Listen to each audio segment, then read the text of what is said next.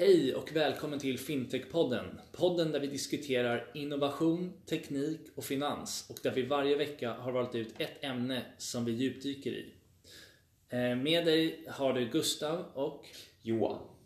Och dagens podd är vår första någonsin och ämnet vi djupdyker i är Open Banking. Fenomenet som just nu är ett av de hetaste områdena inom bank och finans.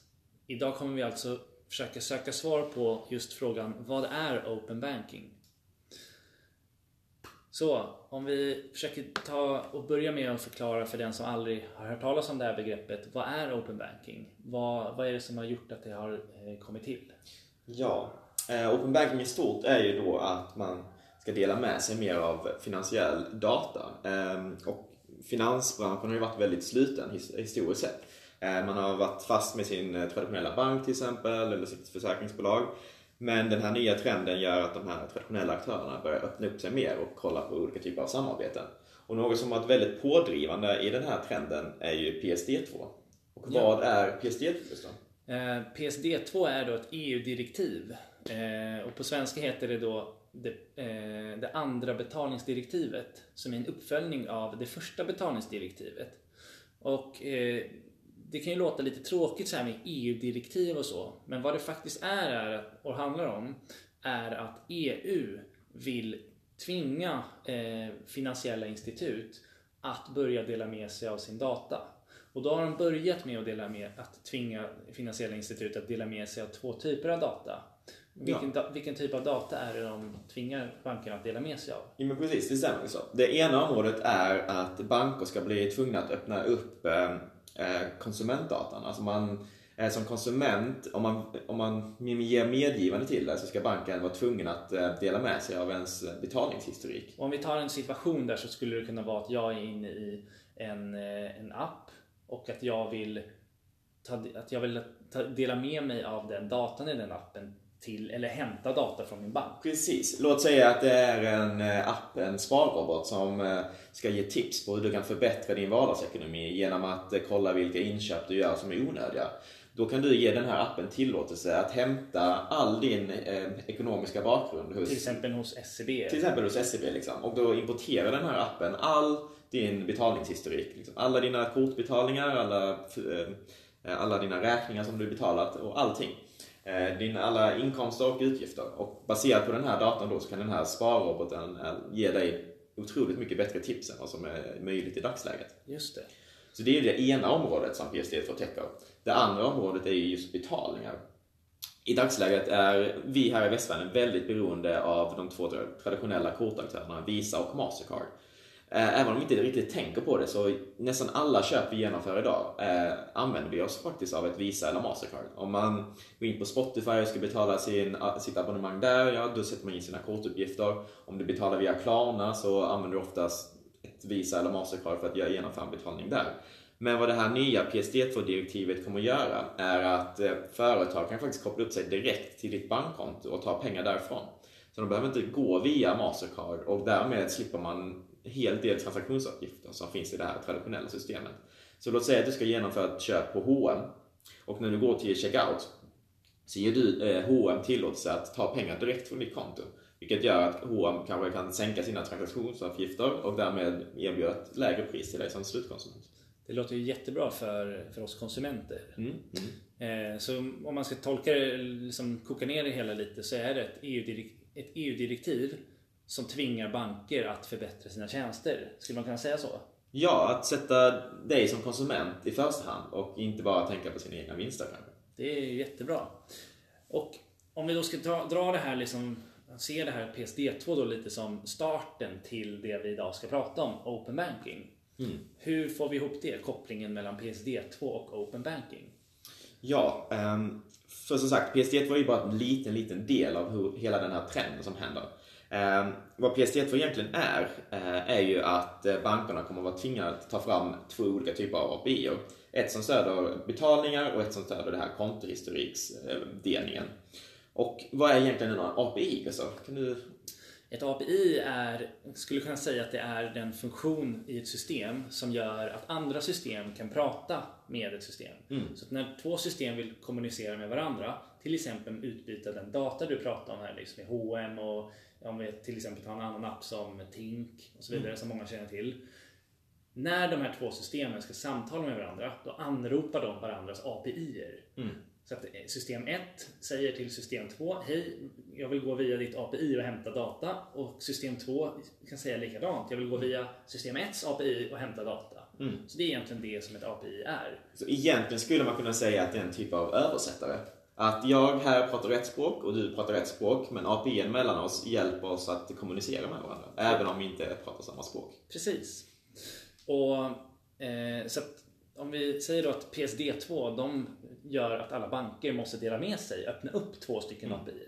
För det måste vi också veta att det kan, alla system har API men det är inte alla som har eh, publika. publika API. Utan många har ju stängda API för att kommunicera internt inom mm. en bank eller vad det nu är. Eh, men Open Banking då, det är det som liksom är en, som en form av extension av de här två API som öppnas upp att plötsligt så ser man massor med möjligheter att kunna öppna upp andra eh, API och data och eh, nya tjänster som dyker upp som har, skapar en helt annan typ av data.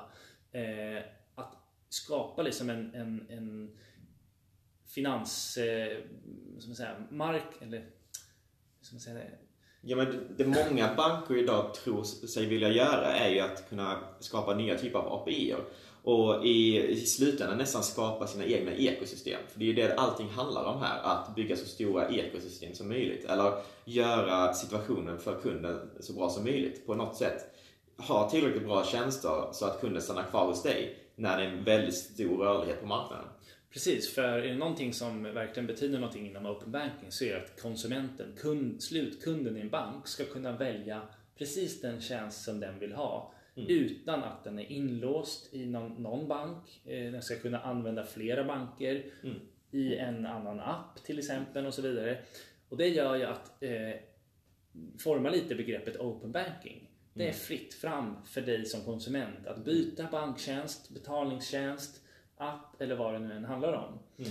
Vilket gör att de här de olika banker och finansiella aktörer idag måste börja ha och tänka mer på API, att vara, fylla en verklig funktion där man kan med andra tjänster och, och företag och banker göra utbyte av data sinsemellan. Mm.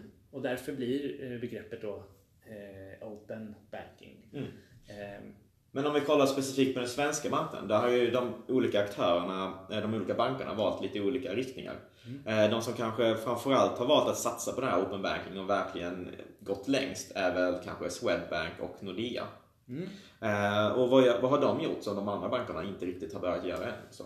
Um, precis både Swedbank och Nordea, kanske med Nordea längst fram, det, det de vill göra är att skapa ett sorts App Store mm. för finansiella tjänster. Mm. Och när du säger finansiella tjänster så tänker jag att vi, vi, vi klargör det här att det kan handla om att vara Tink, det kan handla om Karma-appen, det kan mm. handla om någon sorts rea-app. Det, det, kan vara försäkringar, det kan vara aktiehandel, fondspar. Precis, så det är inte så tråkigt som det låter utan det är i princip alla de appar vi kommer hålla på med. Allt som har med pengar att göra i princip. Precis. Um, och det de då vill göra är att, bli den här hubben där alla fin, alltså startups och bolag kan, kan liksom ladda upp sina appar. Mm. Uh, ungefär som app Apples App Store idag är. Mm. Fast nischat mot den svenska finansiella marknaden. Mm. Att man blir den här lilla aktören i mitten som mm. tillhandahåller en butik med olika tjänster. Så om vi ska ge ett exempel så skulle det kunna vara att jag loggar in i min Nordea och eh, kollar igenom min, eh, mitt kontohistorik och så ser jag att eh, shit, jag, jag spenderar ju väldigt mycket på hämtmat den senaste månaden jag skulle verkligen vilja minska den här, men hur ska jag göra det? Jo, då går jag till App Storen som finns inbyggt i Nordea-appen och så kanske det finns en sparrådgivare. En chatbot till exempel skulle kunna vara, som ett annat företag har tillverkat och då lagt upp på Nordeas App Store som jag kan aktivera som då analyserar min data eh, som jag har skapat i, genom att köpa olika grejer. Precis, och med tack vare de öppna API-erna då så kommer den här appen åt den data som de behöver för att kunna ens vara en chatbot. Ja, precis. Och jag som Nordea-kund får en bättre kundupplevelse genom att jag kan ta del av andra företags tjänster inuti Nordea-appen som jag kanske inte skulle kunna göra om Nordea inte hade öppnat upp sina API. Just det. Ja, det, det är ju väldigt intressant område det här och för många banker är det en, helt ny, ett nytt område att börja syssla mer med API och, och, och sånt som många banker inte har gjort så mycket tidigare. Det kanske inte varit, de har ju såklart haft det, men det kanske inte har varit deras huvudområde att syssla med öppna API. Ja, precis. För traditionellt sett så har ju banker varit ganska slutna. De har inte haft så många typer av eh, externa samarbeten med andra aktörer.